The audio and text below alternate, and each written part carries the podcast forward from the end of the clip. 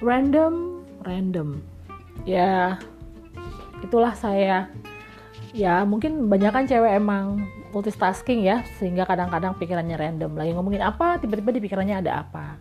Nah dan juga sebagai emak-emak yang banyak banget yang harus dikerjain eh, kadang-kadang suka nggak fokus. Tapi ya itulah makanya mama random.